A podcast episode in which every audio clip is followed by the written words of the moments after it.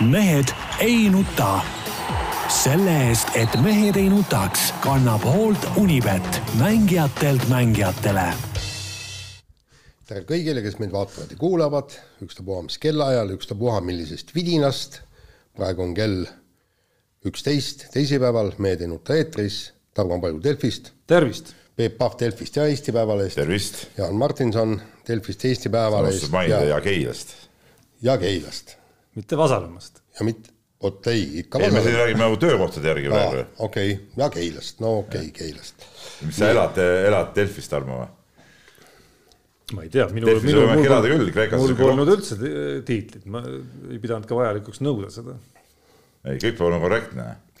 nii, et äh, mul teeb suurt rõõmu, et, et nüüd E- Eesti riigi kõige suurem probleem saab äh, lahendada, lahendatud täna ja siis äh, hakatakse äh,, hakatakse noh, oluliselt väiksemate probleemidega tegelema, küll aga Tallinn. Tallinnas on kõige suurem probleem, panite tähele, pühapäevast, sina vist ei näinud pühapäevast AK-d? ei, mina ei näinud jah. ei näinud.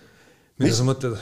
Tallinna kõige suurem probleem, millega nüüd siis põhimõtteliselt kõik linnaisad hakkavad tegelema, seal oli siis see klipp, kus äh, läks üks tallinlane läks koera jalutama noh, põhiliselt, põhimõtteliselt rinnuni võpsikusse ja sai rästikult salvata.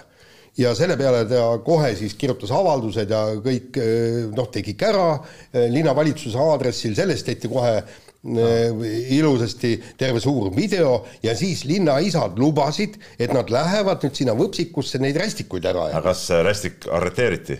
no il, ilmselt küll, tähendab, kuulge, rästik ei tohi olla, ei tohi olla noh. Kuulge. võpsikus. kus ta olema peab siis? ma ei tea noh. Ei no tähendab, Tallinnas ei tohi olla. Tallinnas ei tohi olla. Ja nüüd on Kõlvartid ja nüüd äh, Tanel Kiik, kes tulevad. jaa, aga sa teed praegu nalja. Või see nagu tegelikult oli Aktuaalses Kaebus lugu, et oli. rästiku käest äh, ja ma nägin seda lugu ka. ja, ja, ja on kusjuures kusjuures Tallinna linnavalitsus lubas, et esmaspäeval lähevad nad sinna kohe võpsikusse ja ajavad kõik rästikud minema, no põhimõtteliselt mingi niisugune jutt oli. kuhu? Kuskil kõrval, kuule, kas teie vald on Tallinna naabervald või ei ole või on seal. Harku vahel ei, Harku vahel jah. No muidu ajavad sinna ja Harku omad ajavad äh, teie juurde no.. ei no ausalt öeldes Karjatavad ausalt öeldes ma olen rästikuid oma elus näinud noh no kümneid ma pakun välja, et noh, noh selge ebameeldivad, ega keegi ei taha äh, nendega kokku saada, aga, aga nüüd see oleks küll tulnud, et need rätsikad tuleks ära hävitada nüüd selle pärast. ei no jaa, aga me, minu jaoks on see täielik absurdsus. ei no ikka kogu see... loodus tuleb linnast ikkagi Just. teisaldada. ei no aga siis, aga siis, ja siis räägivad, et oi, linnas ei ole puid ja ei ole parke ja ma olen alati öelnud, ega linnas ei olegi vaja, kurat, elage siin oma asfaltplatside peal, majad, teil polegi tarvis, tahate puid, minge metsa, metsas on puid küll, eks ole, ja kui, kui ei taha rästikuid, ei taha loomi siia saada, siis pole puid ka teil tarvis. ja ei, unustage ära aga, aga see oligi sedavõrd absurdne, mis siis järgmisena, järgmisena tuleb ju sääsed. järgmisena tulevad puugid. väga hea, sääskedega võiks küll tegeleda. kas te olete see aasta puugist ammuks seda saanud? Enda teada õnneks mitte. mina sain äh, Rally Estonia ajal, Rally Estonia viimase päeva hommiku, Jaan teab seda, avastasin duši tulles, et vaatasin, et pagan äh, nabaaug, mis mingi jama tead, noh. Oota, kuule, säästa- mingi mõnus, ei no igav säästa nüüd meie kuulajaid, vaatajaid detailidest. igavene elukes oli, nii. tavaline elu. ja, ja, ja, ja no mis sa teed, eks ole. proovisin alguses, et kas kuidagi kääri otsaga ei saa, siis mõtlesin, ei, vaja minna kiiresti nüüd apteeki, et äh, siis need pintsetid, eks ole. skalpell sinusuguse mehe puhul. siis loomulikult äh, noh, see oli varahommik onju, kõik oli kinni veel, ainuke valveapteek on Tartus see Raekoja platsil seal Raekoja küljes. loomulikult sealt olid kõik puugipintsetid öö, otsas, eks ole, et noh, ma ei tea, kuidas nii, nii oluline tarbeasi saab olla otsas apteegis, mööda laskmine. siis pidin ootama, kuniks lõpuks kuskil Edeni keskuses ikka mingi apteek avanes sealt ostsin pintsetid ja loomulikult suutsin selle puugi pooleks teha endale väljavõtmisega. siis, siis ei olnud muud teha, läksin äh, siis äh, Tartu sellesse, no mis see ülikooli kliinikumi mingi EMO või mõtlesin, et pagan jama, et see noh, rallipäev juba käib ja, ja vaja varsti minna mingeid intervjuusid tegema, et seal on kindlasti mingi õudne järjekord. Läksin sinna, ühtegi inimest polnud, noh, absoluutselt mitte ühtegi inimest. kohe sinna maksin oma viis eurot, läksin äh, kabinetti, mingi neiu ütles, et aa, no see põhimõtteliselt ta ju ise kuivab ka siin sees ära, ma ütlesin, ei võtke ikka välja, et äkki paneb mingit mürki või midagi ja siis noh, oma osavate näpukeste pintsettidega vupsti tõmbas välja ja, ja, ja oligi ma, ma küll keerasin, tähendab, mul läks pooleks huvitav küll, sa keeran välja, sa tead, oled, oled kunagi võtnud puuki veel? väga, väga kindlalt ei tunne ennast. aga, aga, aga, aga ikka läks pooleks jah. jube suur oli, ma ausalt nii suurt polnud näinudki. ma olen väiksed, ma olen äh, laste pealt ära võtnud ja enda pealt ka, aga, aga nii, nii suurt ma polnud näinudki. no mina tean, ma olen ka proovinud, eks, et võiga tuleb see puuk kokku teha. ei tohi. ei tohi või? ei, ma loomulikult. ei, ei, aga mina olen teinud. lugesin pärast, ma pärast lihtsalt vaatasin ka, et mis mis variandid on, oli kirjas, ei tohi, vastupidi, ei tohi seda teha. mulle, mulle eile. aga rõngast ei tulnud naba ümber, nii et nüüd on üle kuu aja möödas ka. Noh. mulle eile hakati peale käima, et, et meil võiks olla ikkagi mingisugused nagu erisaated, mis räägivad millestki muust kui spordist, et et see, et me, et meie suhteteemaline saade on ootel kuskil nagu tuleviku tarbes, noh, see, see on nagu teada fakt, on ju, aga tundub, et siin neid valdkondi, mida läbi võtta, alustades rahvameditsiinist tuleb ikkagi veel, et see, et kuulajad-vaatajad ka, kirjutage meile men.delfi, mis, mis erisaateid kõik võiks, võiksime me ühel hetkel teha. me oleme iga asja peale meistrid. ja ei, seda ma mõtlengi, noh. ma ei hakka siin mingist, mingisugust nagu ehitustöödest ja nagu sellistest asjadest rääkima. aga ma, ma praegu imestan, Peep, et miks sa ralli korraldajatele süüdistust ei esitanud, avaldust. see oli ralli raja ääres. ma, ei no kust ta siis mujalt tuli, no kui ta rallipäeva järgsel hommikul, ei ma mõtlengi, et nüüd saade lõpeb ära Äh, Urmo, äh, kindlasti sa kuulad, eks ole, Urmo Aavase saadet, äh, oota kõnet ja võta vastu ka. kõnet, jurist, Ekspress Meedia jurist, sa olid seal tööülesannetes ka. mina ei hakka siukest, ma ei ole siuke sihuke punn pisvinn tagumikus, et hakkab mingid ametid, kõigepealt helistame, lepime kokku mm. -hmm. äkki kantakse kohe mingi summa üle mulle niisama tead ja kui ei, siis vot siis tuleb jurist kallale. jah, ja, ja, ja, ja, ja ma usun, et järgmine kord, kui Rally Estonia tuleb, on siis kõik puugid, sääsed ja peavad par parmud peavad olema sealt eemaldatud ja, raja äärest, jah et noh, sääski võimalik eemaldada, sellepärast et eh, ma käisin seda etendust vaatamas, seda Aadat, eks ole, ma vist rääkisin ka sellest niisugused ja seal on ju suudetud mingisuguste sääsepüüdjatega teha nii, et seal sääski ei ole, noh väga võimsad mingid aparaadid on väljas. no vot.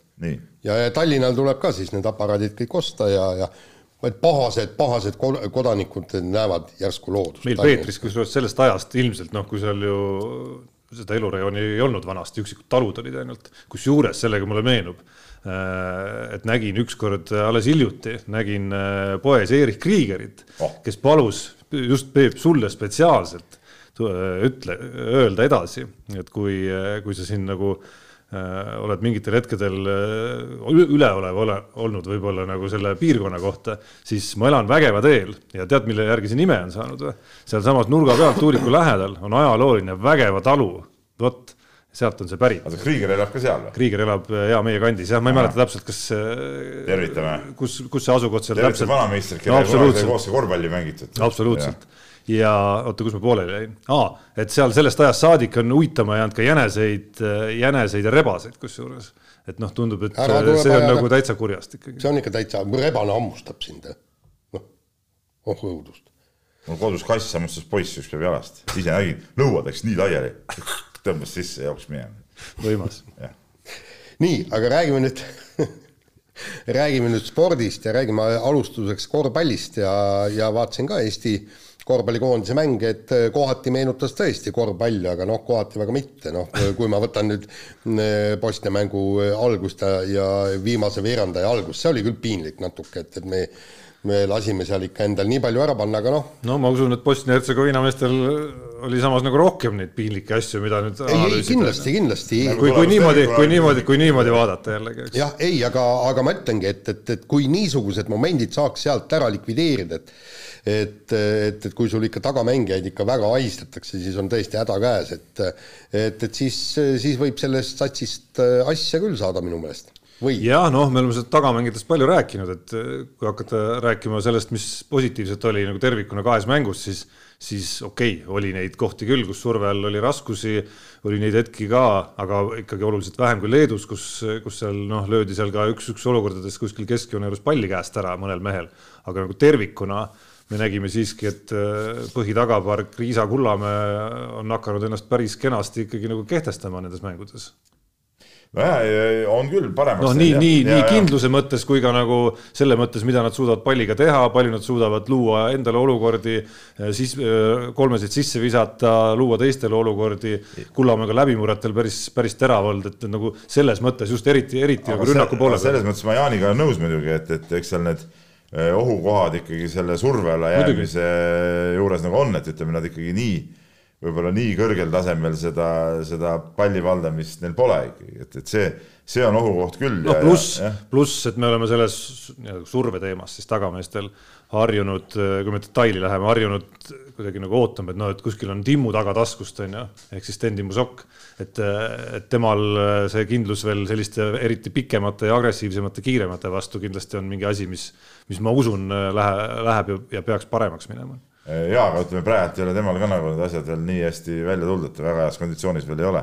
aga no meil on alati võtta ju seal suhteliselt eh, hea põrgataja Kotsar, kes saab alati palli üle tuua, kui noh, nagu ikka pikk kasutatakse ületoomisel, eks ole, kui surve alla jäädakse, et, et ma arvan, et sealt, sealt nende nõksudega õnnestub, õnnestub see surve üle mängida küll, et kuigi No, nüüd oligi näha, see Bosnia vastu oligi näha, seal paar korda üritati ka seal, mängiti pikematele meestele aga, aga siis tekkis ikkagi seal probleeme, aga see pall õieti ei liikunud, aga noh, seda saab veel eh, trillida, eks. ja lihtsalt väikese detaili seigana, mis siin meenub, et kui me eile siinsamas laua taga tegime korvpallistuudiot, mida soovitan kõigil kuulata või vaadata, Indrek Reinbok ja Rauno Pehka olid meil Peebuga külas ja Rauno mainis seal seda äh, lõbusas, üsna lõbusalt seda ühte olukorda, kus siis äh, Sten Timo Sokk paneb keskjoone juures katte meie keskmängijale, kes siis purjetab korvi ära lõpuni välja, siis äh, eile õhtul olude sunnil olin suhteliselt hilja, pidin üleval olema, ootasin seal lennuki saabumist, et poisile vastu minna ja siis, siis natukene vaatasin üle mingeid hetki seal ja, ja lõpuks lõikasin ka välja natukene sealt veel.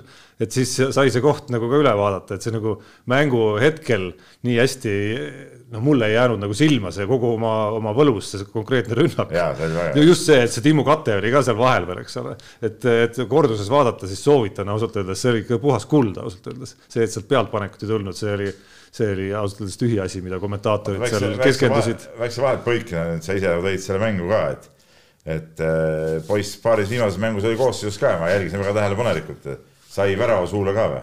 ja sai, sai mõne tõrjega kirja või? ikka sai ja päris tühjalt seal, seal õnneks ei seisnud. et siis kõik aru saaksid, siis Tarmo poeg Johannes on ju, oli siis Eesti käsipalli, see oli nüüd U kaheksateist koondis äh,. väravahina käis EM-il ja, ja tulemus oli vägev ju, vii-, viies no kuues ei, kuues koht, koht. oma grupis, et ei, neil ei läinud tegelikult kõige paremini, üsna õnnetult läks ka, kui, ahah, tõhti ei, kas see ei olnud kõvem grupp siis või?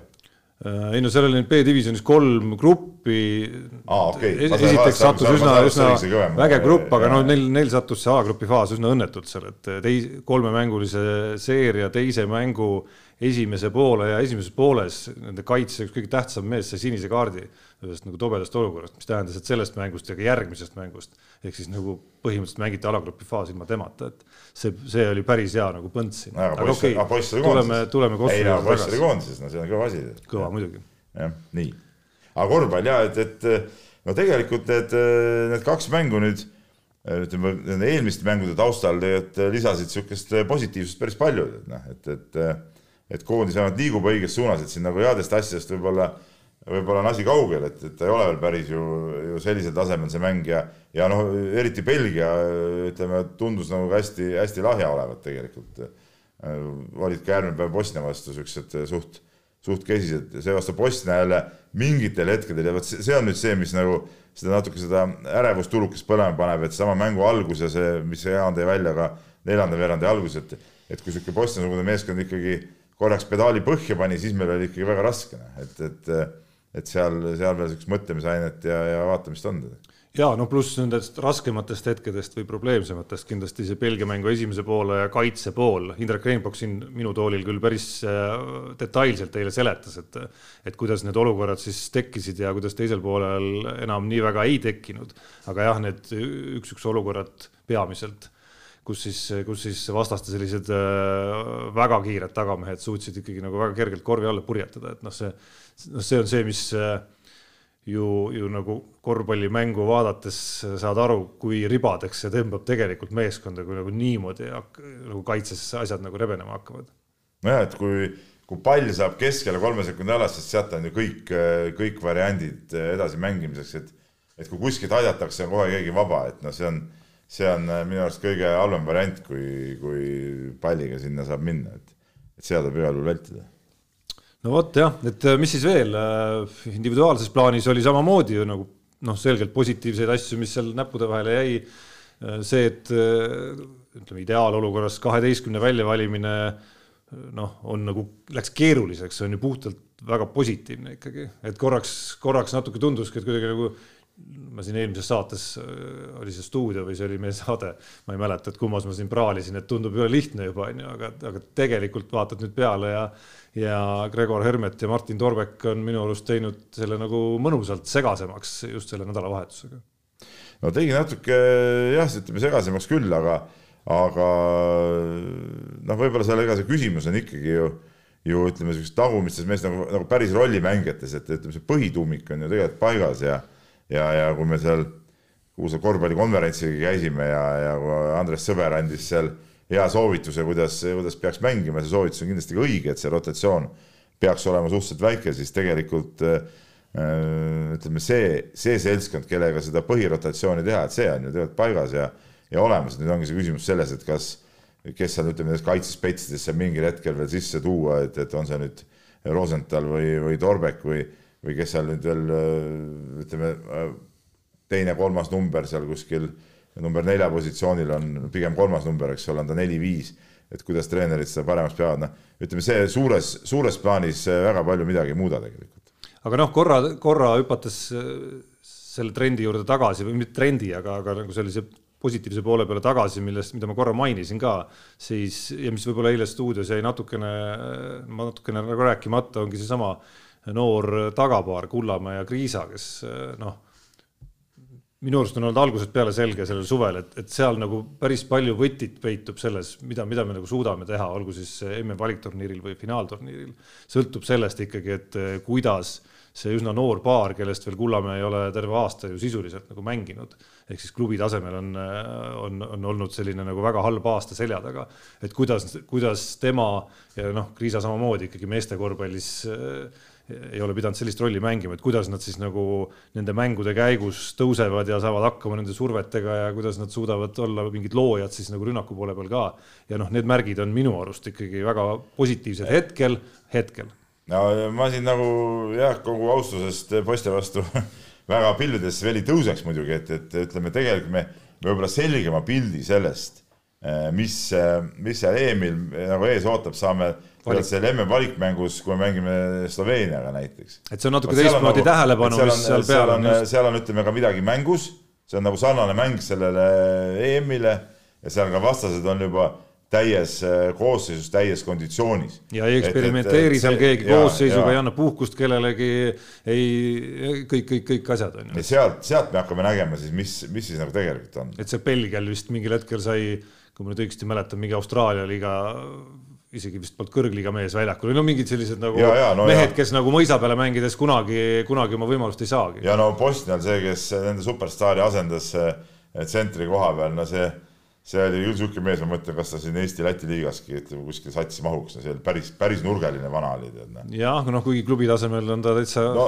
ütleme aga, nii, et Keila omas ei hakka, hakka kuidagi peale. no jaa, aga, aga tegelikult no ütleme tipptasemel noh, ta ei, ei, ei paistnud küll ühestki otsast välja vähemalt selles mängus küll jah. Ja. nii, aga vahetame teemat, läheme kergejõustiku juurde, kergejõustiku Euroopa meistrivõistlused on käimas ja eestlaste jaoks huvitavad sündmused on koondunud nüüd peaasjalikult äh, siis võistluste algusesse, ehk siis eile sai juba väga suur osa koondisest äh, hakata järeldusi tegema ja kommentaare jagama, et kuidas siis läks või ei läinud ja kümnevõistlejatest räägime natukene võib-olla eraldi, aga nendest, kes oma võistluse on ära pidanud, siis eh, noh, ega sealt nüüd nagu joovastunud emotsiooni väga nagu ei tulnud, et Hans-Christian Ausenbergil läks eh, noh, võistlus selgelt aia taha, vigastus ja, ja hoojooksu mitte klappimine, Karl-Erik Nazarov ei saanud edasi eeljooksust ja, ja tuleb tõdeda, et, et ei ole kuidagi seda kuuekümne meetri hoogu suutnud ikkagi välishooajal saja meetri peale kuidagi nagu üle kanda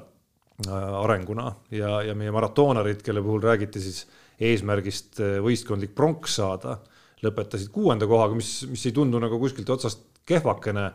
tekitab võib-olla küsimuse, et, et võib-olla see pronksi lootus oli, oli natukene nagu liiga utoopiline siiski. no mehed ise selle olid välja kuidagi nagu raalinud, et see võimalus on ja, ja, ja tegelikult noh, väga-väga kihvt, et nad läksid seda üritama ja, ja selle projekti kokku panid ja ja tegelikult ma arvan, ikkagi oli mõistlik sellest MM-ist loobuda ja, ja ja Emil proovida kolme mehega, nad said Kaur Kivistikuga punti ja ja, ja läksid, läksid mehed, meestel oli eesmärk, mille nimel töötati siin juba pikka aega ja läksid seda tegema, no lõpuks jäid kuuendaks, jäid kuuendaks, noh.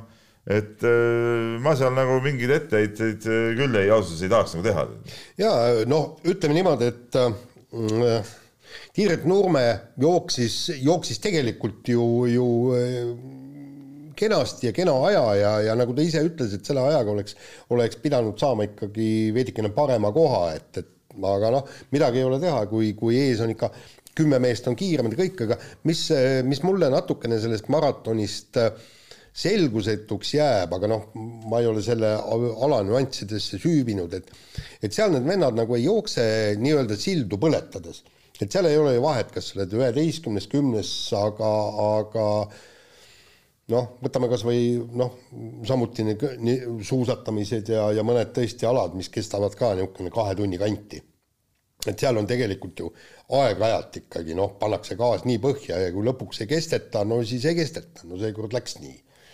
aga, aga seal, et noh, et, et hoitakse sellest taktikast täpselt kinni ja, ja, ja siis see tulemus tulebki vastavalt sellele, mil-, millist aega sa nii-öelda planeerid noh ja, ja, ja Kivistik tegi muidugi väga hea jooksu, et no,. Kivistik, ütleme maratoni, maratoneri kohta ja noor mees või no ütleme, vähe kogenud, eks ole, noh, et, et selles suhtes ja et tema sinna punti nagu võeti seda nii-öelda kolmanda mehe rolli täitma, et, et see oli, see oli ka õige valik. et, et noh, kahju, kahju muidugi, et jah, Fostil võib-olla ütleme nii hästi asjad välja ei tulnud, kui, kui oleks võib-olla lootnud, et noh, eks seal eks seal midagi jääb, no nagu ma sellest meeste jutust ka aru sain, ikka kripeldama jäi ka muidugi ja see on õige, et ega me ei saa öelda, et see nüüd oli, oli mingi suur õnnestumine. no üksteist, üks korra otsisin siin, jäin vaikseks, otsisin selle protokolli üles, et üksteist ja pool minutit jäi siis puudu Hispaaniast nagu kollektiivselt siis. no ikka palju. ei no, no palju, aga kui sa vaatad meie meeste tulemusi, siis, siis noh, tegelikult need olid ajad, mida oleks olnud võimalik joosta. no jaa, aga kui Tiirek Nurme ütleb, et noh, et et see oli sisuliselt tema maksimum ja no Nurme, Nurmelt Nurme, oleks Nurme, raske olnud näha. ütleme, Posti oli see, kelle pealt Postil ja Kivistikul kahe peale oli kaksteist minutit veel nagu sees. no, no ei, ei no sees, sees ei olnud. noh, varu, varu nii-öelda ikkagi potentsiaali, ütleme rohkem. aga no selles suhtes äh, noh, ei, mehed läksid proovima ja, ja las ta olla, aga, aga, aga kui me vaatame edasi, see Nazarovi äh, saja meetri äh, jooks on muidugi see, et siin väga paljud on ja, ja mees ise ka on olnud väga-väga pettunud selles ja noh, ütleme arvestades seda, et kui mees on sise MM-i eh, neljas mees on ju kuuekümne meetri jooksus, siis nagu selge see, et võiks ju loota, et ta sajas on ka kõva, aga saja meetri jooksu ei ole suutnud kokku panna ja, ja ei olegi läbi hooaja suutnud kokku panna ja ja võib-olla siin üks, üks viga, mis, mis sai tehtud eh, tema poolt, oligi see, et hakati seda EM-i, eh, seda teateneliku asja ajama ja, ja selle teate jooksul võib-olla liiga palju keskenduma, et, et äh, võib-olla see oli just üks asi, mis, äh, mis seda stardi poolt ja, ja, ja ja selle saja meetri, ütleme, niisugust tehnilist poolt natuke segas, et üks asi on see teateos, kus sa lähed ju lendstardist ju minema, saad oma pulga, eks ole. teine asi on see, mis, mis sa teed seal saja meetri sirge peal. et võib-olla see natuke rikkus ära seda või no eks sa pead seda ise lõplikult nüüd analüüsima, aga, aga ma arvan, et siin nagu mõtlemisainet on, et kas on mõtet nagu niisuguste asjadega tegeleda, et see nagu ilus ilus unistus küll, et oo jaa, lähme teatejooksuga peale sinna ja nii edasi, aga aga no võib-olla Nazarov oleks võinud keskenduda rohkem nagu oma asjadele. jaa, aga noh, siit on ikkagi nüüd äh, tõsine mõtteaine, et, et kuidas siit edasi minna, et me oleme, Peep, sinuga ka rääkinud, et on, on palju jooksjaid, kes on tõesti väga head, on kuuekümnes meetris ja, ja kes ei ole tegelikult äh, sajas meetris äh, ei medaleid võitnud ega kuhugi suurt jõudnud, aga kui me vaatame nende nii-öelda mitte kuhugi jõudnud vendade aegu, siis need ei ole ikkagi kümme kolmkümmend. Need on ikkagi kümme-kümme, sealt võib-olla alla, sealt natukene üles, et et ütleme niimoodi, et, et sellise kuuekümne meetriga peaks ikka potentsiaal olema ikkagi noh, niisugune kümme-kümme ja sinna, sinna kanti ja kusjuures tegelikult ju ka sajas meetris ju saadakse ju täiskiirus sisse kuuekümnendaks meetriks, eks. et sealt nad ju edasi nagu kiirust äh, sisuliselt äh, ei, ei, ei tõsta, vaid hoiavad, eks ju. noh. kes suudab hoida lõpuni seda hoogu, noh, see ongi sisuliselt jah.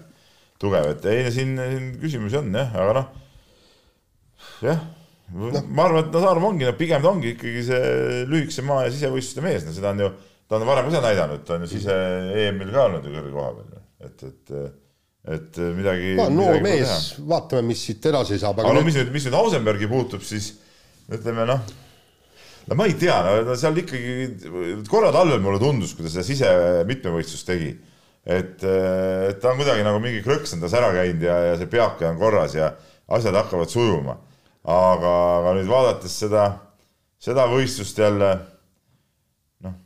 ma ei tea, no see ikka viitab jälle sellele, et ega ta ei olnud ikka vaimselt ka valmis, okei okay,, tal oli vigastus, kõik arusaadav, vigastust ta polnud saanud korralikult ette valmistada, no läks sinna proovima, aga, aga need äh, hüpped äh, viitavad ka sellele, et ta ikka vaimselt ei olnud ka selleks jälle valmis. Ja, ja kas see vigastusperiood nüüd nii palju äh, mõjutas tal, ütleme seda vaimu poolt ka, et, et ta ikka kuidagi nagu nagu kukkus nagu ära jälle sellega. jaa, aga mis kõige tähtsam on see, et, et äh, ta peaks lõpuks otsustama, millega ta tegeleb. nüüd ta ütles ju ka eile pärast kaugushüpet, nüüd on kõik kaugushüppega, nüüd ma olen taas kümnevõistleja või mitmevõistleja no,. selge see, et tal ütleme, see sisemitmevõistlus, seitsmevõistluses on äh, noh, võimalik teha korralikke tulemusi, seda näitas ju sise, sise EM-il ka ja siin see Tallinna võistlusel, et see kõik on, on võimalik kas tal nüüd kümnevõistlus? Sellist eh, potentsiaali on, et nagu ütleme, meie praegune eh, trio, kes seal eh, võitleb, noh, ütleme trios kaks meest võitlevad medalite eest, noh, kas ta sellele tasemele suudab minna, ma päris kindel ei ole aga noh, kui kümnevõistlusest rääkida, siis äh, Tarmo, kas sa nüüd kettaheite seisu? ja, ja mul on, mul on ka logisin lahti, et kõige huvitavam osa on sellest, äh, mis seal praegu toimub, see, et E-Hammeril kahe katsega on kirjas kolmkümmend üks, üheksakümmend kuus. mis on, mis on tulemus, millest me Peebuga mõlemad oleme rohkem elus heitnud. ja, ja, ja päris palju rohkem. ehk siis nagu, et see võib selle medali mängus olla veel nagu noh, niimoodi omakasupüüdlikult vaadates veel nagu eriti positiivne areng on ju, et, et see võib, et see võib jah tähendada, et seal on nagu ühe medali asemel kaks veel saadaval. aga mis on Janek õiglane? mis on õiglane, õiglane on pannud eh, nelikümmend üks, üheksakümmend seitse kohe avakatsel, et, et see on tema kohta väga okei tulemus ja mäletame, kuidas MM-il tal kettas läks asi nässu, et, et, et suutis sellest üle olla ja, ja mulle õiglase võistlemine väga meeldib, no ta, ta võtab nii, nii lahedalt seda sporti üldse, seda seda võistlusemotsiooni, et, et no see, see, nagu, see oligi see, nagu, nagu see oligi Peep see, mille, mille najal ma tegelikult MM-i eel olin nõus sinuga kihla vedama ikkagi peamiselt ja selle veini sulle lõpuks kaotasin. aga ta võib-olla veini saanudki veel. no vein, nagu sa tead, Peep. ei ole saanud veini. hea vein, Peep, nagu sa tead, läheb paremaks ainult ootamisega ah sa ei oska muidugi hinnata ka seda head veini, ma arvan. kuidas ei oska, noh? too suvaline pakk, pakivein, kaks, kaks eurot. pudeli kulistad alla ja punn pealt ära, sisse ja korras, ega ma ei hakka, ma ei hakka klaasigi panema, milleks? kui siis plasttopsi kuskile? Ja aga, aga muidugi Maicel Uibo on äh, väike pettumus, et, et ta ei ole ikkagi saanud jalgu alla juba, juba pikka aega, et, et siin.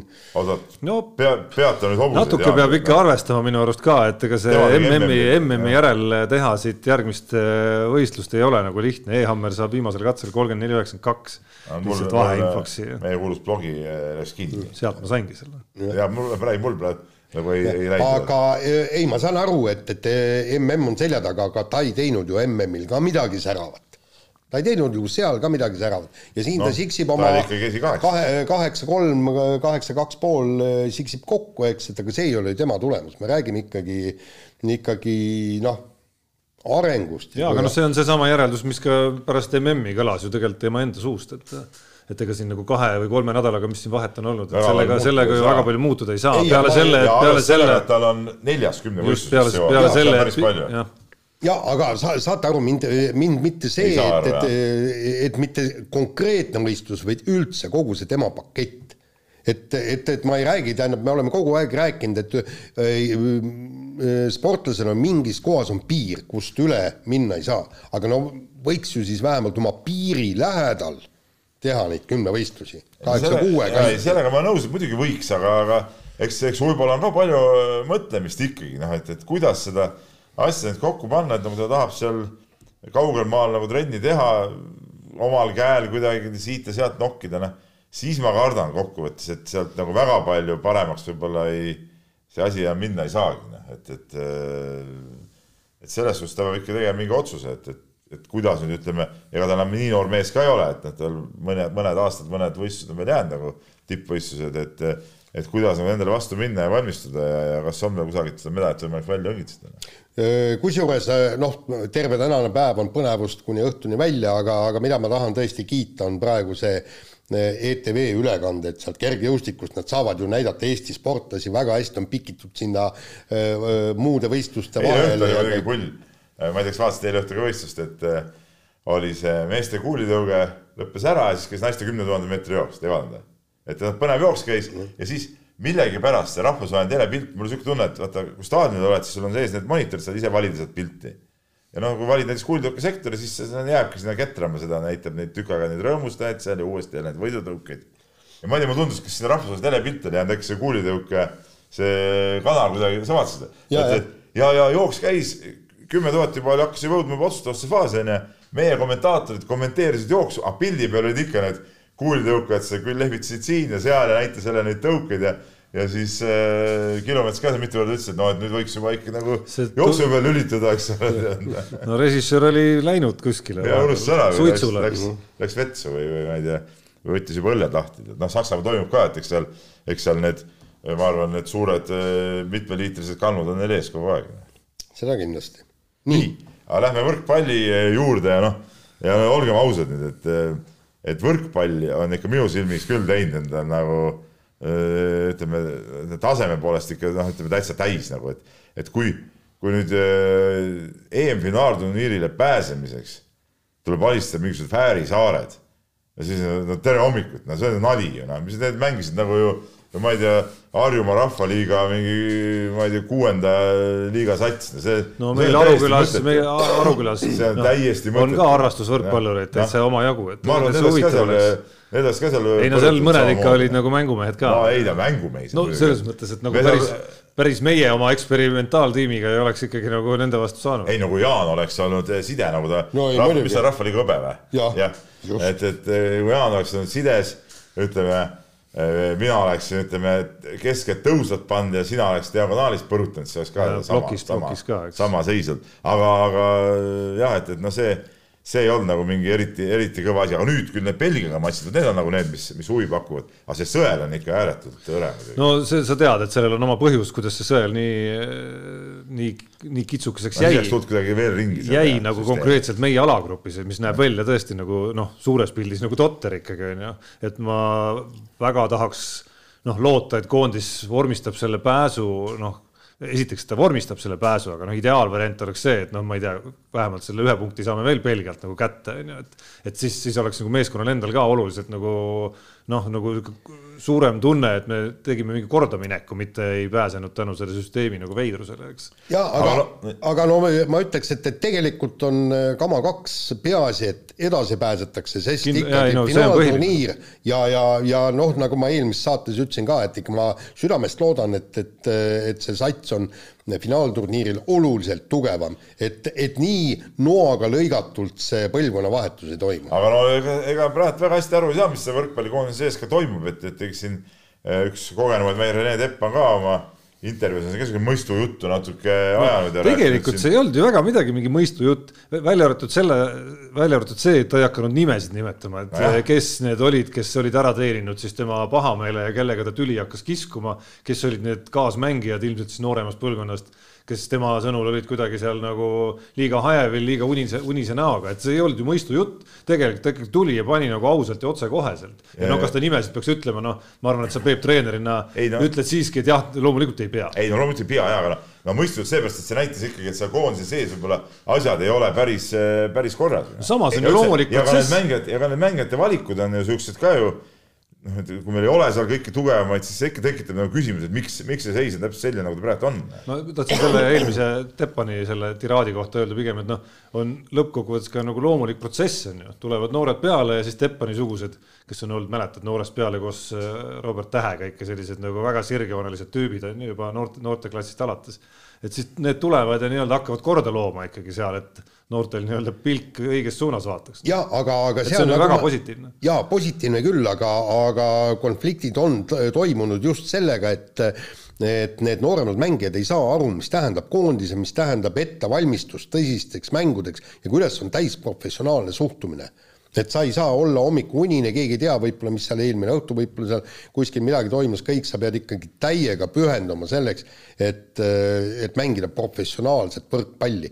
ja see ongi, samas jälle, ma kujutan ette, et, et nii mitmedki mehed sellest praegusest koondisest, nad ei näe ennast võib-olla noh, niivõrd tipus ja niivõrd koondises tulevatel, tulevastel aastatel ka noh, seda ju Dixi korvpalliromaanis öeldi, eks, et, et see olid need banketibrigaad on ju, eks, et kes tegid täpselt nii palju, et nad oleksid seal võistkonnas no, ja mitte me, me ei tea seda. ja ei, me ei no, tea, me ei tea. Teppani kriitika, kui oli, kui oli omal kohal, siis nende konkreetsed, need konkreetsed tüübid peavad loomulikult mõtlema, et et selleks, et mitte olla banketibrigaad tulevikus ja terve elu, siis, siis, siis, siis peavad ja. need pilgud, eks ole, teistsugused. mõnele meeldibki, et äh, ist, olla seal pundis sees ja, ja mõnulda seal ja vaadata hea koha pealt mängu ja, ja see ongi nagu, no, nagu mõnus ja pärast, pärast oled ka nagu hästi, ma olen ka siin nagu satsi osa ja nii edasi. jaa, aga ega siuksed, siuksed ja Tiks kirjutas selle väga hästi lahti ju. ja, ja siukseid mehi on igas võistkonnas, noh, igal tasandil. Noh. nii on nii, aga võtame järgmise teema, mina pean vist rääkima, räägime Pühast Lehmast ja äh, neljapaadist, kes sai EM-il siis viienda koha. Äh, ja kusjuures mäletate, täpselt samasugune konflikt oli ju Tõnu Hendriksoni ja nooremate nii-öelda, nii-öelda nooremate, kes on tegelikult, on ka üsna eakad. aga oli jah, kunagi oli... aastate eest ja ega rohkem ei ole olnud. noh. no, no ütleme niimoodi, et, et need, kellega konflikt on, miskipärast neljapaadis praegu ei istu. jah ja et see on nüüd küsimus. aga jah, eks see neljapaat, äh, see viies koht minu arust isegi üle, üllatavalt hea isegi nad finaali said, ega, ega väga suuri eesmärke oli ikka raske panna neile ja, ja, ja, ja ma arvan, nii nagu nii nagu mehed ise ka ütlesid, et noh, põhimõtteliselt võib ikka rahule jääda sellega. no ütleme niimoodi, kuigi kõikide nende tulemuste valguses, mis me Sõudis on teinud, on see muidugi noh, täiesti suvaline tulemus, et see see nagu, nagu null emotsiooni tekitab. jaa, aga samas on see eksperimentaalkoondis, kaks täiesti uut meest sees ja kui me nüüd ei no Jaan, Jaan, mis, mis eksperimentaalkoondis, kui seal, kui seal äh, kaks meest on ju totaalsed äh, äh, ütleme, ütleme veteransportlased juba. eksperimentaalkoondis saab olla ikkagi, kui seal kõik on noored, aga, aga mitte ma ei taha öelda seda, et, et vanad mehed ei peaks olema, loomulikult peaks olema, alati peaks olema paadis need, kes on sel hetkel kõige tugevamad, eks ole. no pluss, kes nagu sobivad omavahel kokku siiski nagu, et seal on mingi kõige optimaalsem matš. seda, seda muidugi. aga ma ei, eksperimentaalne, no millal ta enam eksperimentaalne ei ole, kes siis järgmine aasta seal sõidavad? no ei tea, loodame, et, et nad jätkavad järgmine aasta samas, tähendab, ühesõnaga mõte on see, et, et see neljapaat ikka jätkaks olümpiale välja ja prooviks sealt ka midagi ära tuua. aga, aga praegu see viies koht näitab seda, et MM-il ollakse selles mõttes täiesti konkurentsis et noh, nagu, mm, nagu räägiti, eks, et, et sealt on tulemas Hiina, keegi ei tea, mis teeb Austraalia, Uus-Meremaa, et kuidas need on.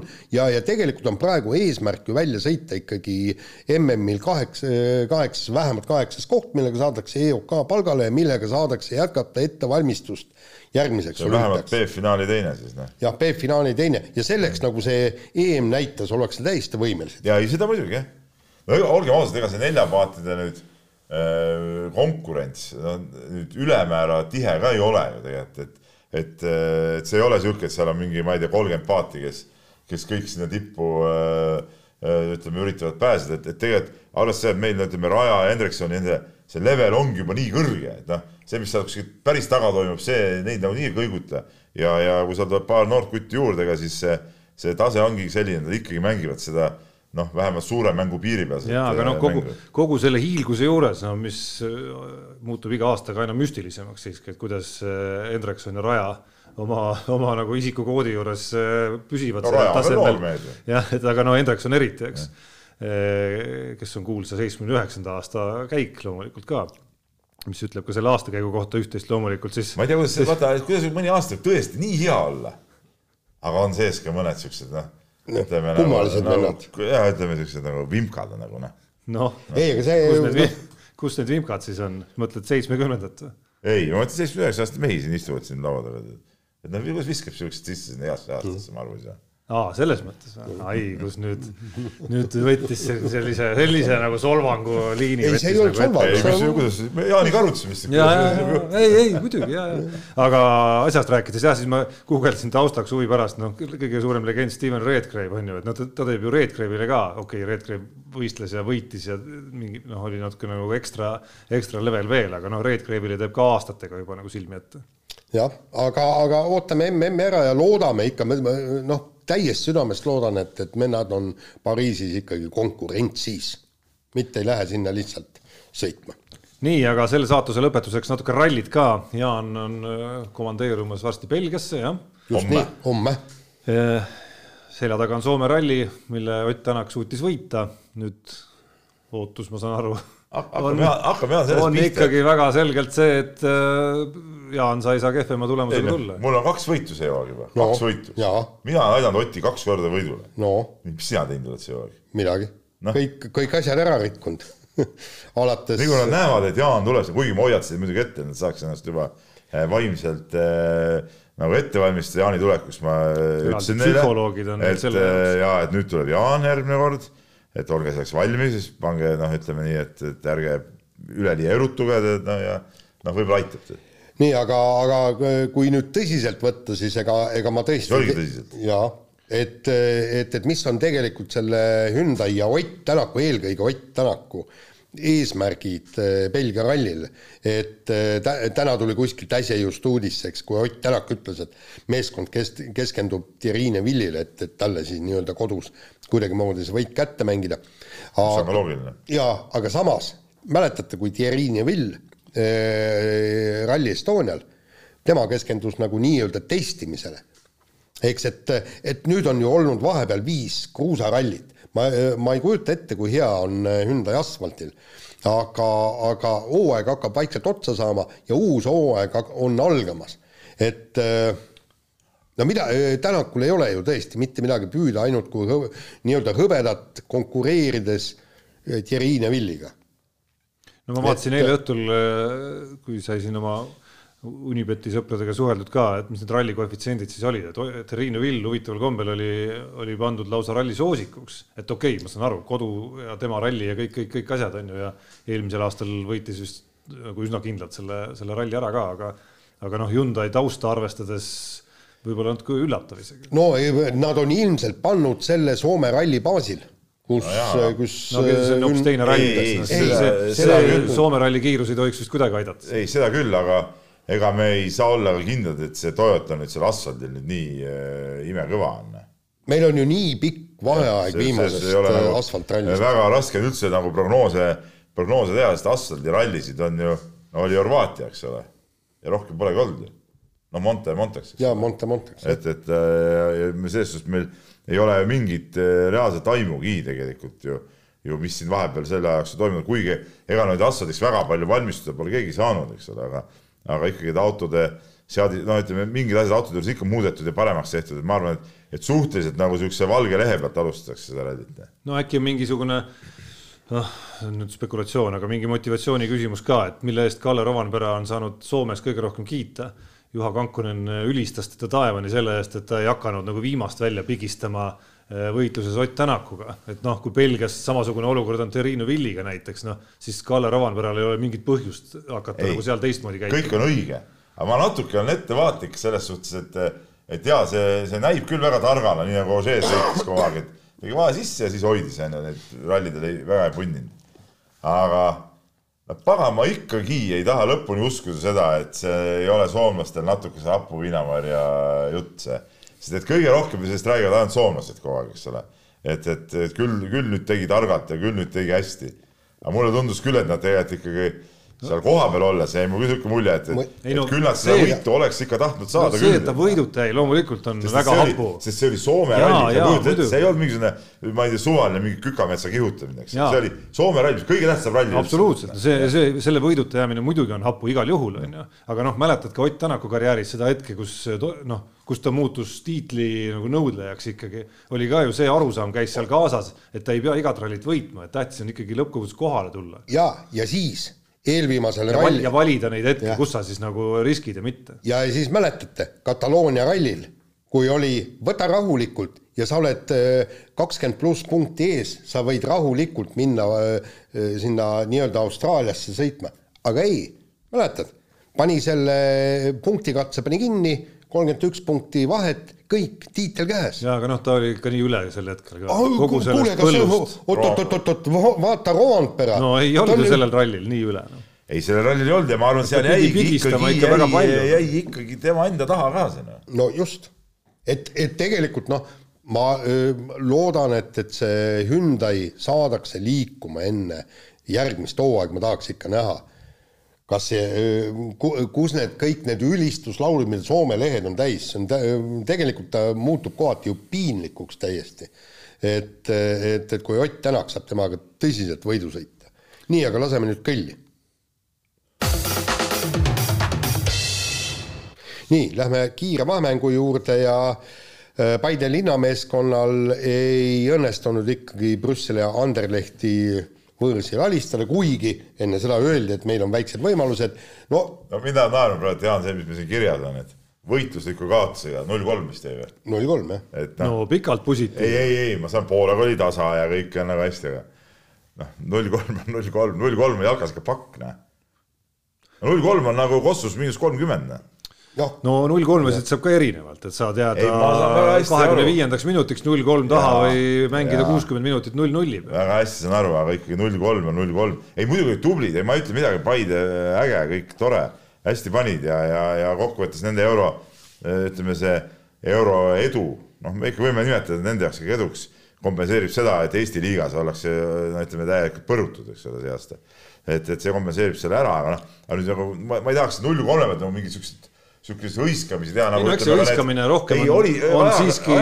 olid ka, ütleme, need mänguülevaated ka natuke ikkagi, natuke mul tuli meelde jälle see omaaegne, kui Eesti mängis äh, Itaaliaga jalgpallis kaotas null kaks, siis me oleks nagu võitnud nagu selle mängu, umbes sama, sama tunne tekkis. ja hõiskamise nagu põhimotiiv, ma arvan, ikka on nagu kogu see, kogu see käik nagu kokku ikkagi, et kaks vastast äh, läbiti ja, ja, ja tehti ja, ikkagi nagu, tehti ikkagi nagu Eesti mõistes väga, väga okei okay äh, hooaeg jaa, aga, aga tegelikult just selle Anderlechtiga mäng näitas, et kuidas tegelikult tuleb jalgpalli mängida, sellepärast kõik on õige. aga no see ei ole üllatav. oot-oot-oot, Paide tõesti surus ja Paide tahtis seda väravat ja kõik, ainuke probleem on see, et, et et kui ka mingisugune võimalus te tekkis, siis lihtsalt jällegi no ei suudetud seda palli, palli sinna sisse lüüa, aga vaata, vaata, kus on Belgia väravad.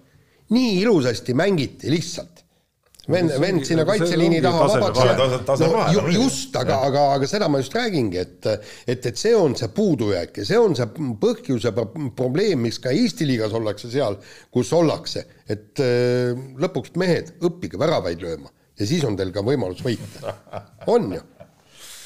no jaa, no väga sirgjooneliseks. ei, absoluutselt. aga no selles suhtes nagu õige, no jalka eesmärk ongi lüüa pall väravasse, noh, selles suhtes Jaanil on õigus, tead noh. Need summad muidugi, mis kaasas käisid sellise hooajaga, viissada viiskümmend tuhat lihtsalt preemiat ja siis kolmsada tuhat eurot reisikompensatsiooni, mille puhul ma lugesin lauset, et see on nagu ära, sellest rohkem kulus ära isegi. ma ei tea, mina küll ei suutnud välja arvutada, et kuidas ei, on võimalik kolm välisreisi, tšarterid. tšarteriga ja, ja seal oli. okei, no lennuhinnad. tavalennuga, noh. lennuhinnad on muidugi päris äh, rajud. hakkasid selle väikse lennukiga Helsingisse minema, seal ümber terve lennuk on välja müüdud, et no neil on seda stuff'i ka nii palju, lennuk. no Gruusias äh, käisid siin veel ka no.. jaa, aga seal on, neil oli kohustus minna Anderlehti mängima tšarterlennuga, see on see nii-öelda UEFA poolt paika pannud. okei okay,, aga noh, summad muidugi vägevad ikkagi, et see jalgpallimaailm toimib ikka mingi täiesti teiste reeglitega. Peep, nagu Peep korvpalliklubi edendajana, noh, et nagu ikka nagu. no nutma ajab. ikka nagu nutma ajab, jah. küll, jah isegi on mingeid arenguid, aga no meistrite liiga näiteks Fibal on hakanud siis nagu natuke midagi nagu hüvitama, onju. aga noh, need, noh, see ei kannata nagu võrdlust, et selleks, et samasugune summa kokku saada, peaks sisuliselt võitma eh, meistrite liiga. nii, aga vahetame teemat, Eesti lootust andvaim maa, eh, maadleja, meesmaadleja siis Euroopa juunioride meister Richard Karelson töötab leiva lauale saamiseks eh, samal ajal vangivalvurina. väga õige, aga miks ka mitte, täpselt sobiv koht imelik oleks, kui ma ei tea, töötaks mingisuguse, ma ei tea, lillemüüja täpselt no, või, või mingisuguse baleriinina vahepeal, et noh. aga see on õige, ja igast kadjakatega kadjakatega seal tuleb tegeleda.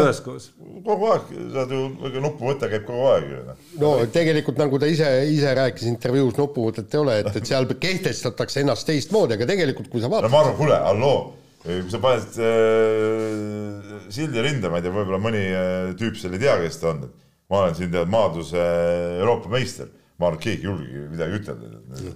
Aga- väike, väike loik siriseb püksi seljast välja ja minnakse oma kambrisse. jah, aga ta, aga kui nüüd tegelikult võtta, siis äh, no kindlasti on Richard Karelson see mees, kes võiks meile ka täiskasvanute medaleid võita, sellepärast et noh, ikkagi juunioride Euroopa meister, noh, see, see ikka kõlab uhkelt. et, et jällegi noh, ma kujutan ette, et suurtes, suurtes spordiriikides oleks niisugune vend kohe võetud palgale, kohe tal loo- loodud ümberringi tiim ja tingimused ja, ja tehtud kõik selleks, et ta saaks vähemalt kaks-kolm aastat äh, nüüd äh, tragilt harjutada, et sisse elada sinna täiskasvanute maailma. me, me, me ju ei, ei, ei looda ega ei usu, et üheksateistaastane poiss hakkab nüüd täiskasvanute MM-il neid kaukaaslasi ja, ja, ja keda iganes veel pilduma et maadlus on just niisugune, niisugune ala, kus, kus läheb ikka paar-kolm aega, aastat enne, kui sa oled äh, lihas endal kondile saanud. aga, aga see ei huvita kedagi. sa ei saa, sa ei saa enne mingit palka, mitte midagi, tule Euroopas medalile MM-il esikaheksasse, mis tähendab sisuliselt praktiliselt olümpiale pää- pääsu, kuus esimest saavad olümpiale, noh. no hetkel ta ei, noh, ta ei ole ka selles mingi erandina kuskil seal mingit C või mingisuguse, noh. mingisugusegi sellise Ei, asja peal, lihtsalt on mainitud eh, nii-öelda nagu noorte seas ära, kes kuskil seal Noh. ma ei teagi, mis see no mis saab see- võib-olla märka saab vist, järgnevat eh, põlvkonda mingi eh, tuhat eurot aastas. ei no võib-olla ka ja siis rinnamärgi ja rinnamärgi, aga rinnamärk on kõva. on, on, omal ajal omal ajal üks, kui olid see, mul oli kergeatleetikas sain see teise järgu, siis ma see- panin rinnamärgi. et, et kolmas järk, kuidas need olid, et No noorte te- järgud olid mingi no- no- sinine, kollane, punane vist olid. Jah, olid need, jah. mingi värvide väga kaup oli. ja siis, ja siis muidugi eh, Nõukogude armees olid vaata igast need eh, rinnamärgid, eks ole Olid.. Adlitšnik, Sovetski armei näiteks, mingi siuke kannad siiamaani, ma saan Ja aru. Saad täna äkki täna saad Viimsisse Kuule, minna sõjamuuseumi juurde sellega patseerima., kuna ma ei olnud Adlitšnik, ma olin siuke, siuke rohkem nagu ikka siuke nagu, nagu niisama nagu lihtne ma ei mõnestasin süsteemi seestpoolt nagu tänapäeval oleks populaarne ütelda, siis ma märke ei saanud. no sa oleks saanud, sa oleks saanud karjääriredelil ronides ikkagi rohkem õõnestada. küll aga mul on äh, võimalus muidugi äh, minna tanki tervitama, mul on äh, see äh, Furaška on kuuris alles ja mul on ka vorm, tõsi, tõsi, ükskord koristasin kuuri, siis leidsin, mul see kuskil kilekotis seisis, võtsin välja, panin selga, aga see, ütleme, hõlmad ulatusid siiamaani, kokku ei läinud rohkem. ma oleks täitsa okei okay.. ja, ja, ja, ja. Täitsa okei, mul muidugi. ka just, nii nagu, nii nagu peab. ikka noh aga kuule, kuidas, kuidas nüüd, oota, okei, las ta olla, ma mõtlesin hakata uurima, et miks, miks, miks Peep ikka nagu käib ja, ja nagu ikka püüab seda sealt selga endale panna ja mis Ei,, no. mis, mis motiivid teda ajendavad. see, mis huvitav? las ta jääda. ei, ma räägin, mis on Lähme Tartu Rocki kas juurde. tõesti inimese pea äh, vanades nagu suureneb? sest et no kurat, müts ei läinud pähe enam noh, raske ei läinud pähe enam, no mina ei tea, kuidas ma seal pea käin, noh. pea paistis. no ei, no ei Kuule. olnud nagu tead noh, juuksid ka olid nagu sama lühikesed kui siis. no ei lähe, nagu pealupp otsas liigub, pead liigutab, kõps kukkus ära peast, et noh. no mina ei saa aru, pea ei saa rasva ka minna ju, ei saa ju. noh ma ei tea, vaata oma põski näiteks. Kuule, ega see müts siis põskide peal ei käi. põsed teistmoodi käituvad kui muu peas. kuule, katsu, no siin ei ole, näed no,. kolm tuleb vastu kohe. Kuule, lähme- lähme järgmise teema juurde. ei, ei, ma, ma, ma tahaks teada, Peep, ei, ei ole küll lörts, lörts kuskil rada sisse, kolp on vastas kohe Kuule., noh. noh, ma tahaks teada, kuidas sa rihma ümber said, mäletad, omal ajal oli ju see ring pandi ümber pea ja sa-, ja, ja täps- ja siis äh, selle pea ümbermõõt äh, oli siis see rihma suurus, mille sa pidid ümber vöö tõmbama. eks no põhimõtteliselt paned rihma vot niimoodi, siis lõualt kuule, mul oli. Temne rihm, mul oli sir-, peaaegu sirge plähaga, noh. kuule, päris hea päeva leidsite siin nagu oma nõukogude unelmaid siin nagu heietada. Lähme järgmise teema juurde.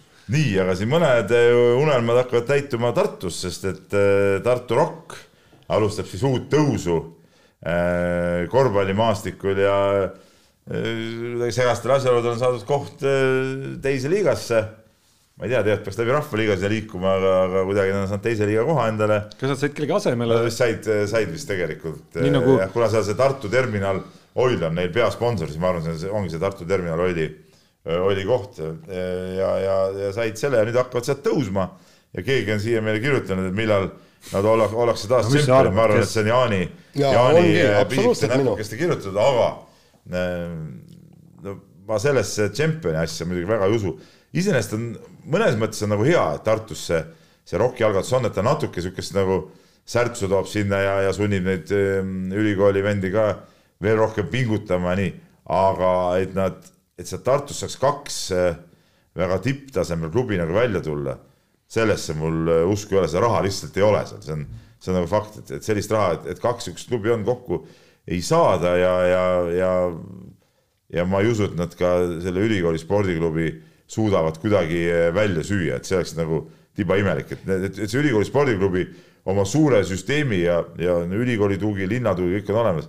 noh, nad on nii hästi ennast sinna nagu juba sisse söönud ja, ja, ja, ja ütleme, tippkorvpalli mõttes oleks mõistlik ikkagi panustada just nendesse et, et eh, neil on kõik nagu olemas juba seal, et see rokk peab hakkama jälle tühja koha pealt üles tulema, aga see, et nad seal üldse tegutsevad ja seda, seda mm, õhustikku seal natuke pingestavad, see, see on iseenesest nagu hea. no ja võib-olla, võib-olla oota, ma ütlen see, et, et Peep unustad ära ühe stsenaariumi ja mis, mis on täiesti mõistlik stsenaarium, on see, et see rokk veab ennast tõesti välja ja teeb ennast nii tugevaks. vaata, seal on ju kogu aeg, nemad on tahtnud nagu kaks satsi kokku panna.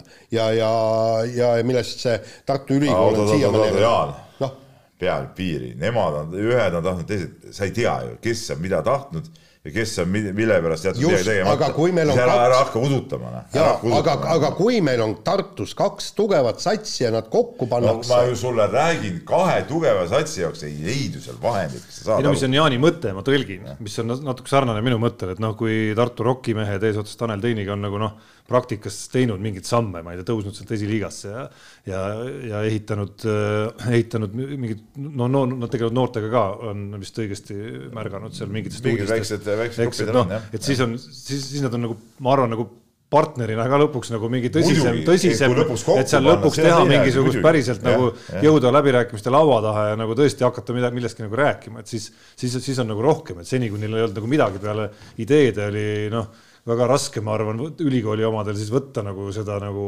inimlikult, ma arvan, väga raske nagu noh, üldse neid nagu laua taha võttagi, noh. nii nii, aga võtame järgmise teema ja siis äh, Red Bulli sõitjate eest vastutav Helmut Marko taaskord selgitas, et mikspärast ta Jüri Vipsi noortesüsteemist välja viskas ja, ja ütles, et, et üks põhjus oli see, et, et äh, Briti meedia tõi selle äh, tõi selle nii-öelda vi- videomängus öel, öeldud F-tähega sõna ja N-tähega sõnad ja mis, mis sõnu ta seal kasutas, noh, liiga võimsalt äh, toodi ajakirjandusse, aga mis tal kõige rohkem närvi ajas, et kurat küll, et videomängus niisugune totrus teha, et kas tõesti nendel vendadel mitte midagi muud teha ei ole, et, et neil eh, tekkis kuskilt mingisugune vaba aeg ja kohe on see vaja kulutada kuhugi videomängu peale ja kusjuures ma olen, ma olen no, me rääkisime kogu aeg, me oleme kogu aeg seda rääkinud. Tarmo siin vaidleb meile vastu, mis, et see on jube okei ja nagu tore tegevus ja. ei no mis ma vaidlen, millega sa võitled oled siin, õigustanud. oled oma poisil ära keelanud lapsest saadik, ma saan aru. ei, mis ära keelanud. kas on, kas on poiss sul mänginud kunagi arvutimänge või ei ole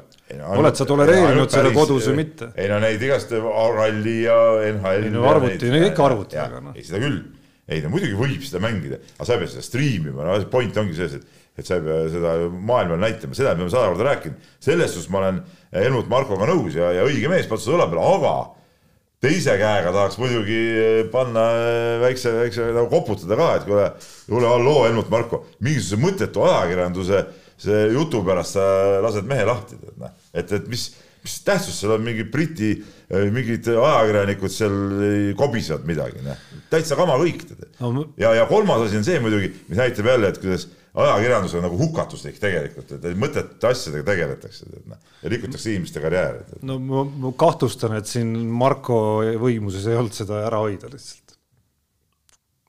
Red Bulli, Red Bulli osas jah lihtsalt., jah, kogu võib-olla küll jah. Aga lõpetame selle saate osa meie uue rubriigiga, nüüd juba kolmas saade Nädal Keilas, aga Teemat ei meil on probleem. Peep, kus on uudised? ei, mis uudised, mis sa mõtlesid, mida sa mõtlesid, et kogu aeg midagi toimub Jah.? uudis on see, eile alustasime ühistreeninguid, noh. ütleme niimoodi juba, juba peaaegu. miks nii hilja? Mis mõttes hilja? muidu Raasiku käsipallimeeskond ammu juba treenib. ma tean seda, et Pärnu näiteks alustab täna. no mis sa Pärnuga võrdled, ma räägin Raasiku käsipallimeeskonnast. Raasiku Aruküla käsipalli käsipallimeeskond. peadki võib-olla rohkem trenni tegema, noh. soo, see on nagu eh, füüsiliselt raske mäng, tead, vaat seal on üksteise vastu nükkimist nii palju. kuidas teil on, viis-viie vastu saate mängida või?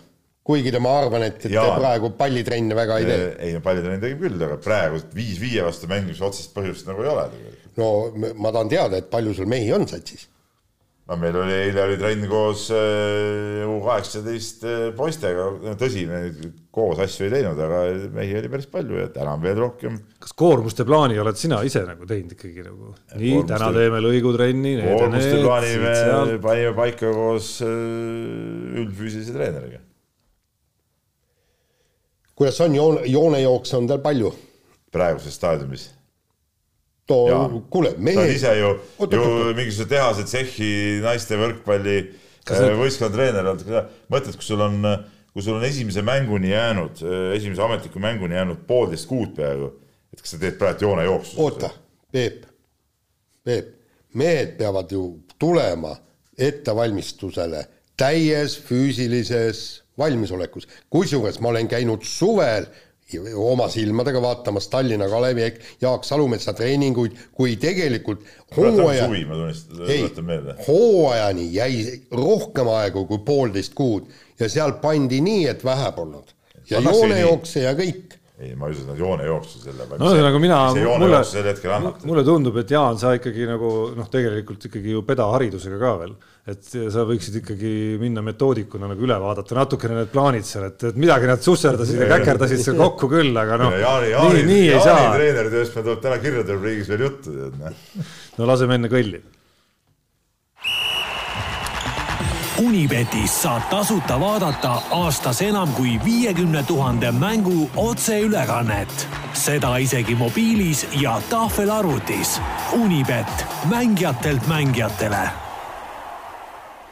Nonii, mängurid. ei, ei ole midagi, ma, ma olen niivõrd pikki pükse saanud, et, et ma lihtsalt ei julge enam te, panna mitte ühtegi panust. niikuinii läheb pekki. mina hirmu käes ei, ei vabise, aga ma tunnistan, et see nädal mul, mul läks meelest ära no. selge, mina vähemalt äh, sain võidurile tagasi ja seekord siis siis, siis Eesti koondis tegi tasa selle, mis ta mult ära röövis eelmisel korral. kaks võitu kohe. ei, kahjuks mitte, kuigi mõtlesin saalis olles korraks, Belgia mängu ajal saalis olles korraks sellele. mingil hetkel, ei, miks ei saa, telefonis ei no mul on kompuutris need paroolid. aa no okei okay., aga teise mängu alguses, kui Bosnia läks ette seal mingisuguse kaheksa vist oli tol hetkel see vahe, ma ei mäleta, kaksteist neli või midagi sellist, siis ma panin, et Eesti ei kaota rohkem kui kümnega. Ja, ja sealt siis natukene sain plussi tagasi, uue nädala eripanus äh, puudutab rallit, ehk siis Ott Tänaku võit Belgia rallil äh, on siis erikoefitsiendiga viis koma viis, endiselt mulle väga meeldib meie eripanuste all aina rohkem see, et et, et panus, et Eesti võidab vähemalt ühe matši EM-il kaks koma null, vähemalt pärast seda nädalavahetust ei tundu enam nii, nii, nii väike midagi, Peep siin nurises eelmisel nädalal, väga väike. väga väike või? et võidab ühe mängu, aga ei ole mõtet panna siukse koefitsiendiga ei. ole või? Muidugi ei ole. no pane sada eurot ja Ei, oled noh. rohkem plussis kui sa eales oled selles mängus olnud. noh, et see, sellest puudub nagu see mängu, mängu ilu nagu noh. ja sa paned ja kui sa praegu paned, siis sa paned ju selle raha kinni sa kuhugi. võid selle alati ära siduda Ott Tänaku Belgia ralli võiduga ja siis, siis tuleb sealt juba üksteist. vot, vot see on juba, vot see, mina mängiks juhuste koefitsientidega. Davai, kirjad nii, kirjad ja, ja nagu ma ütlesin, siis Jaani personaalküsimus eh, tuleb kohe arvutusele ja kirjutab meile Taavi. Nagu ma aru olen saanud, siis Jaani näol on tegemist endise Eesti mõistes tipp-pesapallitreeneriga. komistasin kogemata vist ainsa eestikeelse Soome pesapallist rääkiva artikli otsa ja nähes pildil tuttavat meest, tekkis küsimus, et kas Jaan tegeles Soome või nii-öelda päris pesapalliga. miks ja siit veel jätkuküsimus ka, et miks Jaan enam pesapalliga ei tegele ning kas Eestis üldse kusagil tänapäeval Soome pesapalliga tegeletakse? Soome pesapalliga vist, vist siin-seal natukene mängitakse, aga ja me alustasime Soome pesapalliga ja siis läksime, läksime Ameerika pesapalli üle, sellepärast et noh, jällegi pikk jutt, Nõukogude Liit hakkas pesapalli arendama ja kõikidele vabariikidele anti käsud äh, pesapallivõistkonnad luua ja kuna me olime Soome pesapalli mänginud, siis, siis äh, rahulikult eraldati rahad ja Peep, nuta nüüd, meil oli täpselt nii palju raha Ameerika pesapalli mängis, kusjuures keegi ei osanud mitte midagi mängida, sellepärast et me alles alustasime, keegi ei teadnud üldse, mis asi see on. ja, ja oli vaja kuhugi Sotši treeninglaagrisse sõita. ma küsisin, et kui palju ma võin kulutada mulle vastati, et täpselt nii palju, kui sul vaja on. kolmkümmend meest treeninglaagrisse kuu aega Sotšis, rahulikult. ei no ma, mul praegu nutta pole vaja, sest et ma neid Jaani kõiki lugusid kuulnud umbes kaheksakümmend seitse korda, kuidas ja on, tegelikult see oli Taskendis oli see laager. mis need laagrid, kus need laagrid ja, ja mis seal kõik toimus. sul ei ole Keila, Keila linnavalitsusega samasugust suhet või? ja, ja. sa võiksid, võiksid rääkida neile selle loo. jah, võiks küll jah ja see oli, see oli ikka täiesti sürreaalne. ärge saage valesti aru, tegelikult ma väga kiidan Keila linnavalitsust, et ei nagu päriselt tõsiselt. Neid tuleb kiita, aga ma Jaani suhtes mõtlen, et et kuidas ütleme nõukogude ajal üldse lubati Ameerika pesapalli mängida, see oli ei, ikka see imperialistide mäng ju. ei, ei, see oli, see oli sõprussuhted olid ju äh, kaheksakümnendal aastal, tol, tollal oli. Ja ameeriklased tahtsid äh, pesapalli saada olümpiamängude kaua ja palusid Nõukogude Liidult abi, et äh, sotsialistlikud riigid siis ROK-is annaksid dabro, et, et okei okay,, võetakse pesapall sinna. Ja lubasid, äh, lubasid äh, äh, nii-öelda arendada seda pesapalli Nõukogude Liidus ja mida ka nad tegid, meil ju Ameerika võistkonnad käisid siin Eestis, ehitati Moskvasse kõik suur kena pesapallistaadion ja kõik, kõik nii, meil käisid ju kõik, kõik need Ameerika satsid, ülikoolisatsid ja kõik käisid ju siin, siin Eestis, et muidugi pesapalli ja Keila linnavalitsuse vahel on ka omaette seos tegelikult. et, ähm, et äh, oota, kas Jaanus oli su abitreener või, või kuidas ta? no põhimõtteliselt tema oli Keila, noh, ta oli Keila, no. Jaanus Väljamäes, et, et oli, kes on praegu Keila linna, ma ei tea, mis kultuuri- ja spordinõunik, väga, väga, väga tore mees ja temast väga palju abi olnud selle Kossu asja ajamises ka. et tema oli siis, ütleme Jaani ajal ka pesapallitreener ja, ja Keila poistega, kas siis tema tuli või sina oled ka pundis, kui nad selle Euroopa ei, me olime koos, jah. koos olite, jah? no ütleme niimoodi, ma olin rohkem mänedžeri tüüpi, Jaan-, Jaanus Väljamäe, noh, treener jagas seda asja paremini, kusjuures aga nüüd hakkavad tegelikult selguma. ei, ei, aga tegelikult on need eh, korvpallikohtunikud Suslovid on mõlemad ja, ja, Euroopa pronksil pesapallis. vot, vot siuksed mehed on seal meie kandist. vägev. kuidas, kuidas, huvitav, kuidas nagu kõik ei ole sinnakanti nagu ikka nagu nii tublid sattunud mina tean, et on. no ma miskipärast on mingeid erandeid kohal. olgu, said tagasi tehtud. sain tagasi, leidsin äh, lõpuks koha. ja, äh, ja Ardo Sand kirjutab meile ka huvitava, tõstab huvitava siukse küsimuse, et vaadates praegust, praegu toimuvat Euroopa meistrivõistluse nädalat, mis meenutab mingil määral miniolümpiat või nagu liidu ajal rahvaste Spartakiaadi, siis kas Eesti-siseselt ei võiks olla mingi Eesti meistrivõistluse nädal, mis toimuksid mõnes maakonnakeskuses, tooks kokku erinevate alade sportlasi ja ka TV-ülekannete ja spordiajakirjanikel oleks hea samas kohas võistlusi kajastada. lisaks oleks see noh, kohalikule majanduselule ja ettevõtetele, majutustele, kõikidele äh, tulus, tulus projekt, et Soomes on juba mitu aastat äh, mindud seda teed, et selline nädal korraldatakse, iga aasta on seal uued alad, alates petangis ja lõpetades padeliga. et, et no no, no ma ei usu selles, minu arust ka see Euroopa meistrivõistluste kokkuviimine on paras totrus tegelikult. noh, ta on, ütleme, ja ka ajakirjanduse jaoks on totrus, sellepärast et ühel ajahetkel toimub liiga palju. sajub ära, väga fookus väga ära. aga, aga teine, teine asi on see, mis Eestis, Soomes muidugi võib niisugust asja teha, aga palun, kui me paneme mingi, toome sinna kümme, kümme ala ja meil sinna tuleb lõpuks kümme tuhat sportlast, kuhu me need majutame? ei, ei, asi selles, nagu seal on see koosneb äh, padelist ja petangist, siis see lõppkokkuvõttes ikka kedagi ei huvita, ma ütlen ajakirjanduslikult no.. jah, aga, aga ütleme isegi, kui sa võtad tõsisemad, tõsisemad alad sinna, sinna kõik kokku, siis tegelikult noh, ma ütlen, et seal tuleb sadu-sadu äh, inimesi, treenerid, kohtunikud, kõik, et me ei suuda neid puhtalt ära majutada. jah, aga noh, teisest küljest mingi iva siin nagu on, on ju, saada just nagu tähelepanu rohkem, et üksikuna paljud nendest väiksematest aladest noh, ei ületaks uudisekünnist kuidagi. et siis nagu, kui see oleks osa mingisugusest suuremast, äh, ma arvan, siis, siis ta nagu pääseks pilti rohkem, et ma arvan, et siin nagu mingi kasu võiks ka sees olla. ja aga, aga sealt tuleks tegelikult viia mingisugused väiksemad, näiteks Eesti me vehklemise meistrivõistlused tõesti väikestesse nii-öelda, no mitte liiga väikestesse, aga maakohtadesse ja seal oleks pealtvaatajad, tulevad vaatama. ei, sellega ma küll nõus ja et et viia neid võistlusi rohkem niisugustesse, noh, ma ütlen, lambikohad nagu valed jah, et just väiksematesse kohtadesse, see on igal juhul õige tee. et siin Tallinnas, noh, ei, ei koguse ju midagi.